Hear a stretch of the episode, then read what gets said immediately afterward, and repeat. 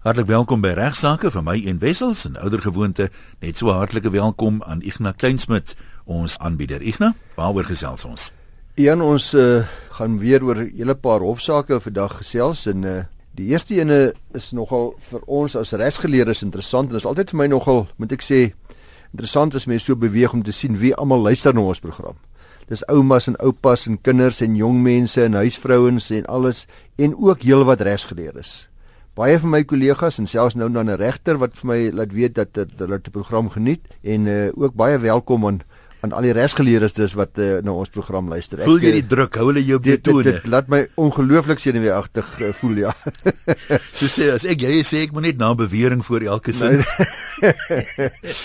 maar die saak van Plaaskem Eienaars Beperk versus Nippon Africa Chemicals Eienaars Beperk handel met die geval waar 'n kontrak nie spesifieke bepalinge aangaande beëindiging bevat nie. En dan sê die hof kan sekere oorwegings gebruik word om die vraag te beantwoord hoe die kontrak dan nou beëindig moet word. Die Hoë Hof van Appel het hom dan in hierdie saak daaroor uitgespreek. Daar moet gekyk word na die uitdruklike terme van die kontrak, natuurlik al die omringende omstandighede. Dis normaalweg sê die hof redelik om te aanvaar dat mense nie wanneer hulle 'n kontrak aangaan bedoel het om hulle self vir 'n onbepaalde tyd aan hierdie kontrak te bind nie, maar eerder dat hulle voorsien het dat hulle die kontrak met redelike kennisgewing sou kon beëindig. Ek kan maar vir 'n paar voorbeelde gee. 'n Maklike voorbeeld is een van die huurkontrak van 'n huis byvoorbeeld, Jan. Mense sal dikwels 'n kontrak hê sê dan maar van 2 jaar en dan aan die einde van daardie kontrak dan beëindig niemand die kontrak nie en ek hou maar aan huur. En die vraag wat nou? Ek hou aan om my maandelikse huurgeld te betaal. Daar is 'n goeie voorbeeld waar ek nou vir ons luisteraars kan sê, was 'n paar keer hof toe eh, daai geval en nou wil die ou kanselleer nou sê vir my, "O, gits, ek het vergeet. Die kontrak het al 3 maande terug verstryk. Jammer, jy moet môre uitwees." Dan kyk hom sê, "Jammer meneer, het my een kalendermaand kennis hier. Redelike kennisgewing wees ek betaal per kalendermaand my huur." So kom kom ons sê die aanvanklike termyn was 12 maande byvoorbeeld. Ja. Jy kan nie dan aanvaar as jy nou op 15 maande kom, jy dit nou hernu vir nog 12 nee, maande en nee, dis dan nee, maand tot maand. Nee, die 12 maande term kontrak was 'n spesifieke skriftelike kontrak en onmiddellik daarna word dit dan nou kontrak by stilswygende geïmpliseerde kontrak wat op 'n maand tot maand basis is. Dieselfde sou wees as jy byvoorbeeld iets sou huur op 'n weeklikse basis en jy betaal dit ook weekliks. Mm uh, dan sê jy ook waarskynlik 'n week kennisgewing kan gee. Daar's waar daar nog geen beëindigingskontrak is nie. Dit raak bietjie moeiliker as mense byvoorbeeld plase kry dit baie gereeld waar die boer die die buurman se grond huur vir 'n jaar op 'n jaarlikse basis en dan ook sy huurgeld jaarliks vooruitbetaal. Nou is die vraag hoe word dit gekanselleer? Onthou natuurlik aan die einde van die jaar verval dit. Dis klaar. Dis verby. Maar nou hou hy aan met huur vir nog 'n jaar en nog 'n jaar en in die derde jaar wil die buurman die kontrak beëindig en dan sal hy of normaalweg dan kyk na minstens of nee hoogstens dan ook 'n jaar kennisgewing beskou as 'n redelike kennisgewing want dikwels kyk jy na die omringende omstandighede jy het al klaar 'n oes ingesit het al klaar uitgawes vir die jaar aangegaan ensovoorts en dan sal 3 maande of 6 maande dalk onbillik wees afhangende van die aard van die spesifieke boerdery in hierdie geval het die saak aanvanklik was 'n appel van die Noord-Gautengse Hoë Hof van Pretoria af. Die partye het 'n samewerkingsooreenkoms onderteken op 25 Februarie 2005 Dit het gehandel met die plaaslike verspreiding van ingevoerde landbouprodukte. Ons almal weet wie Plaaskem is en almal baie weet dalk ook wie 'n Nippon is. En dit was uh die respondent, die eiser in die in die Hoërhof, het 'n besigheidsverhouding gehad met Mitsui. Uh hulle die die produkte vervaardig. Is 'n Japaneese vervaardiger. En die appellant sou die produkte dan van uh, Mitsui versprei en dan 15% op die opbrengste van uit hierdie verkope aan die respondent oorbetaal die respondent het dan geëis dat die appellant die gedeelte van die winste vir 'n tydperk vanaf 1 Julie 2010, omdat die kontrak is aangegaan in 2005, dat hulle dit moes betaal want die ooreenkoms het nie bepaling gehad in opsigte van beëindiging van die kontrak nie, maar die belangrike punt is die appellant het die ooreenkoms met gewone kennisgewing beëindig op 30 Junie 2010. So daar's nou geen kontrak oor uh, bepaling oor hoe die ding beëindig moet word nie. Is in 2005 gesluit en op 30 Junie beëindig hulle.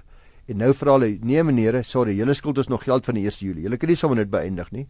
Hierdie kontrak is eintlik soort van aaneenlopend."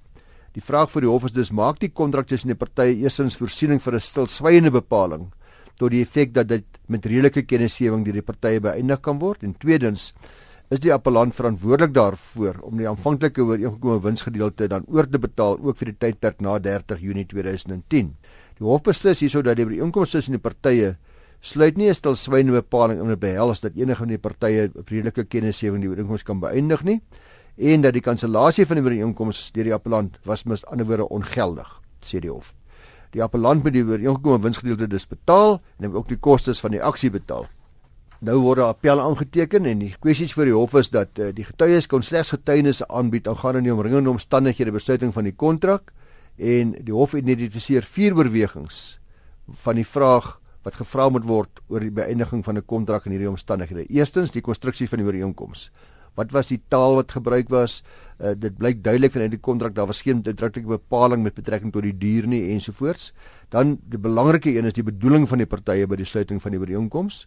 Die bedoeling van die partye moet ondersoek word by oorweging ook van die aard van die verhouding tussen die partye en al die ander omstandighede. En as jy kyk na die aard van die verhouding, dan kan mens kyk of jy kan 'n bepaling inlees dat dit uh, teenstrydig kan wees met 'n uitdruklike bepaling. Dit blyk duidelik uit die kontrak in hierdie geval dat die partye beoog het om 'n werksverhouding tussen hulle te skep, te handhaaf en ook dat dit met die tyd saam dalk kon verander, sê die hof.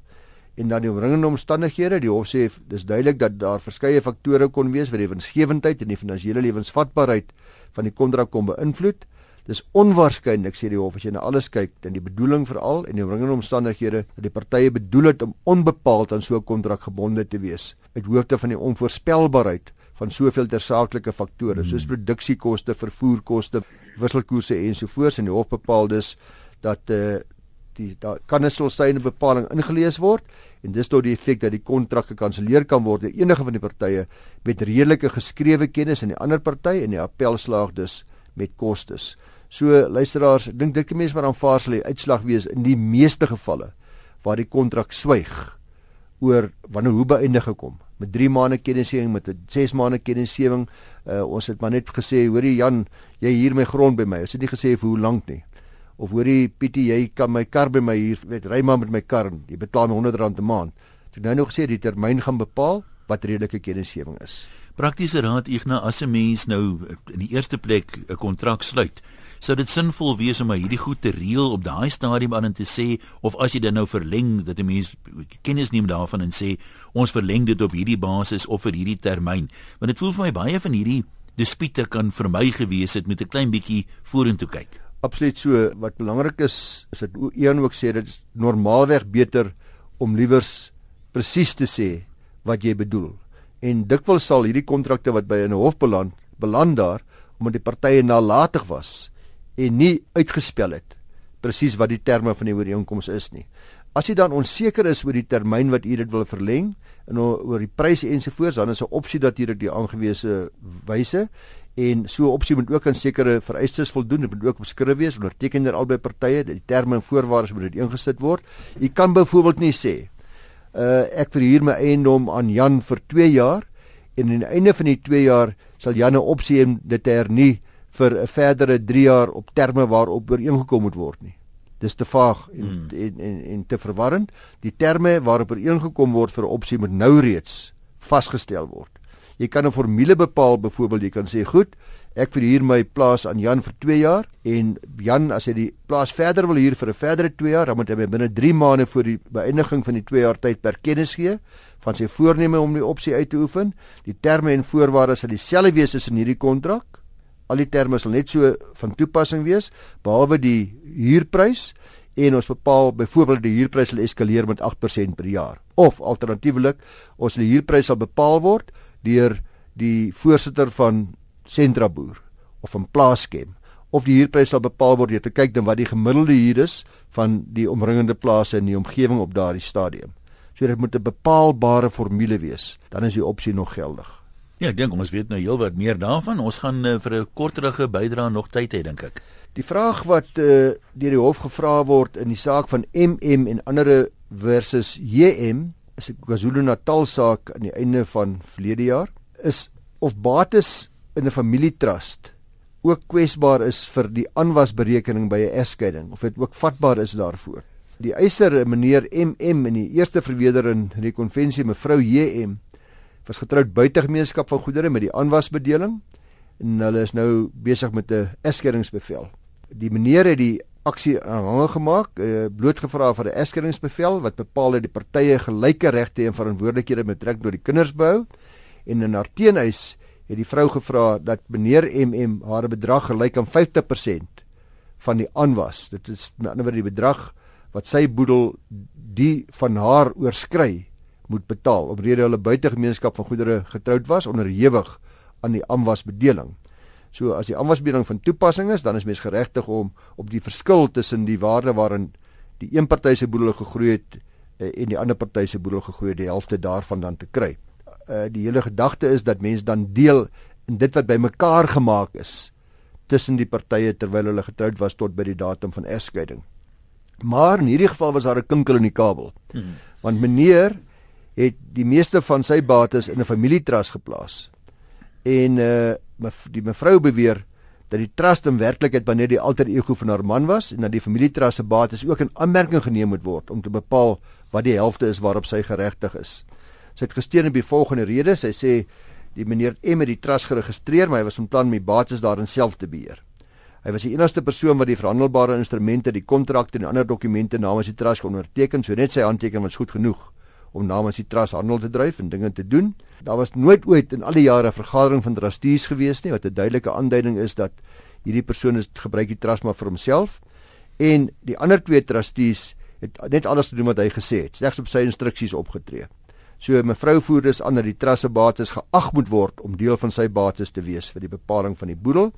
Maar sy beweer egter nooit dat die bates op enige stadium meneer M se eiendom was nie of dat die tras slegs 'n front was nie. Daar was slegs aangevoer dat meneer M die krag en die vermoë gehad het om hierdie bates te gebruik vir sy uitsluitlike voordeel. Dat dit dus vir die doeleindes van die berekening in aanmerking geneem moet word. Nou luister as die bates van 'n trust moet in ag geneem word waarin daar 'n herverdeling uh, gemaak word in terme van die wet op egskeiding slegs in baie baie uitsonderlike omstandighede. Artikel 7.3 van die wet bepaal dat die hof op versoek van een van die partye deur middel van 'n aansoek kan gelas dat trustbates aan die party oorgedra word wat die aansoek in die verband voor die hof gebring het. Uh, die hof bevind daar 'n fundamentele verskil tussen 'n herverdelingsbevel dis die belangrike deel van hierdie uitspraak vir alle prokureurs en vir die almal daar's 'n daar's 'n verskil tussen 'n herverdelingsbevel en 'n aanwaseis. 'n Aanwaseis dan word die hof nie verplig om 'n bepaling of 'n assessering te maak van wat regverdig is nie. Die bedrag van 'n aanwaseis word bepaal op die feitelike wiskundige grondslag en daar's geen diskresie nie. Met ander woorde, my boedel het soveel gestyg en jou het soveel gestyg en dis die helfte daarvan is X rand. Suiwer wiskundig en die hof het nie diskresie nie. As dit bevind word, moet die hof sê dis reg. Jy hoef dit verder ook van dat daar geen basis vir so bevel is in die wet op huweliksgoedere nie.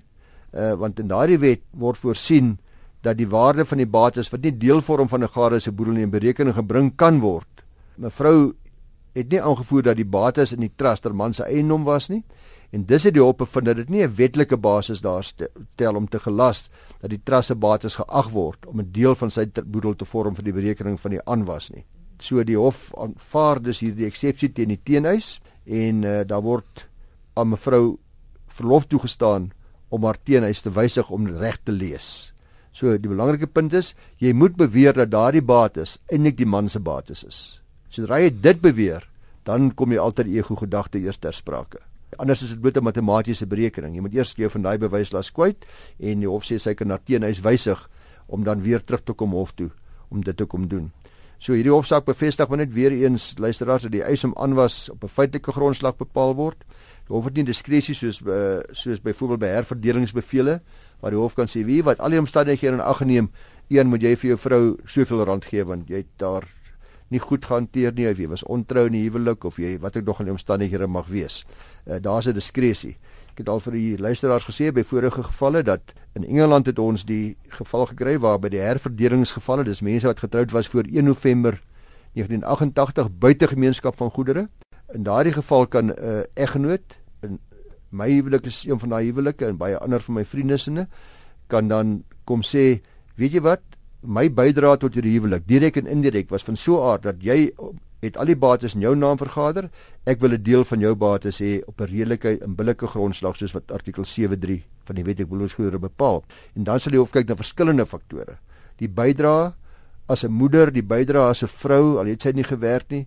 En in Engeland het ons gekry dat uh daar was 'n derde beginsel. Suid-Afrika het die howe oor en oor bevestig dat ons praat nie regtig van 'n derde beginsel nie. Ons kyk na die redelikheid en diskresionêre funksie wat die hof moet uitoefen en tog werk dit so dat in meeste gevalle hofsaake wat gerapporteer is, is dit tog maar 'n derde, maar daar's ook gevalle waar mense niks gekry het nie of baie minder en ook al gevalle waar die vrou 50% gekry het van haar man se boedel op daardie bates. Let wel, huwelike voor 1 November 1988. Jy mag nou al gehoor het in hierdie tyd van die boek wat Ignas geskryf het, ook nou al 'n hele rukkie gelede. Wat sê die prokureur regsaake wat jou raak? Klomp praktiese kwessies wat hy in baie eenvoudige, maklike taal daar verduidelik.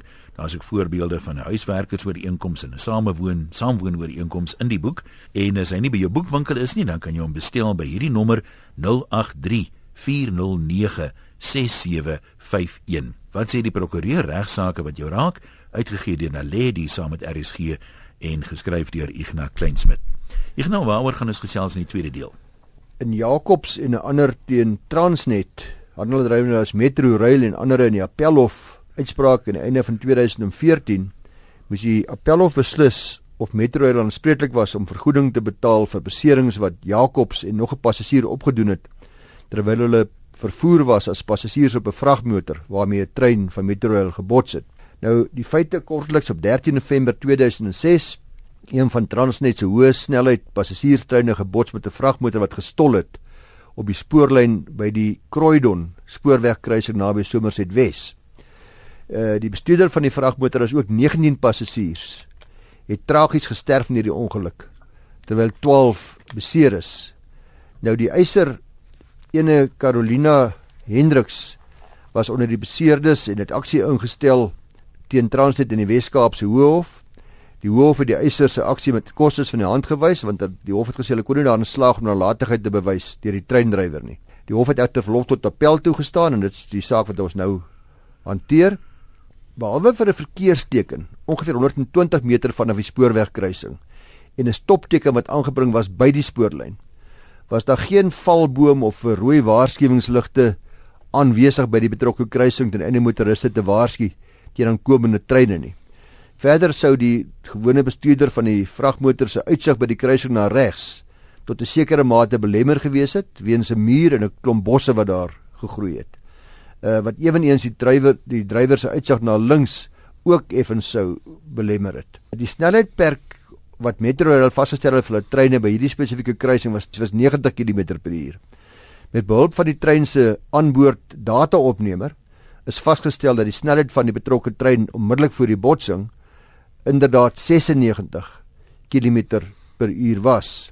Dis ook gemeene saak in hierdie hofsaak, met ander woorde niemand stry daarmee nie, dat die betrokke treinduiwer 'n redelike goeie uitsig dat die kruising sou gehad het vir 'n afstand van ongeveer 700 meter van 'n punt van botsing. Ons het nou gepraat van die uitsig van die bestuurder, nou kom ons by die uitsig van die treindrywer. Hy het 700 meter uitsig gehad en ten spyte van die gedeeltelike obstruksie by die kruising waarna reeds vroeër verwys is, dit het nie sy uitsig belemmer nie die hof van vorige instansie, dis die Hooggeregshof wat uh, die eis van die hand gewys het, het bevind dat die betrokke treindrywer inderdaad al die normale prosedures gevolg het, standaardprosedures met betrekking tot die vroegtydige waarskuwings sirenes voor die botsing plaasgevind het.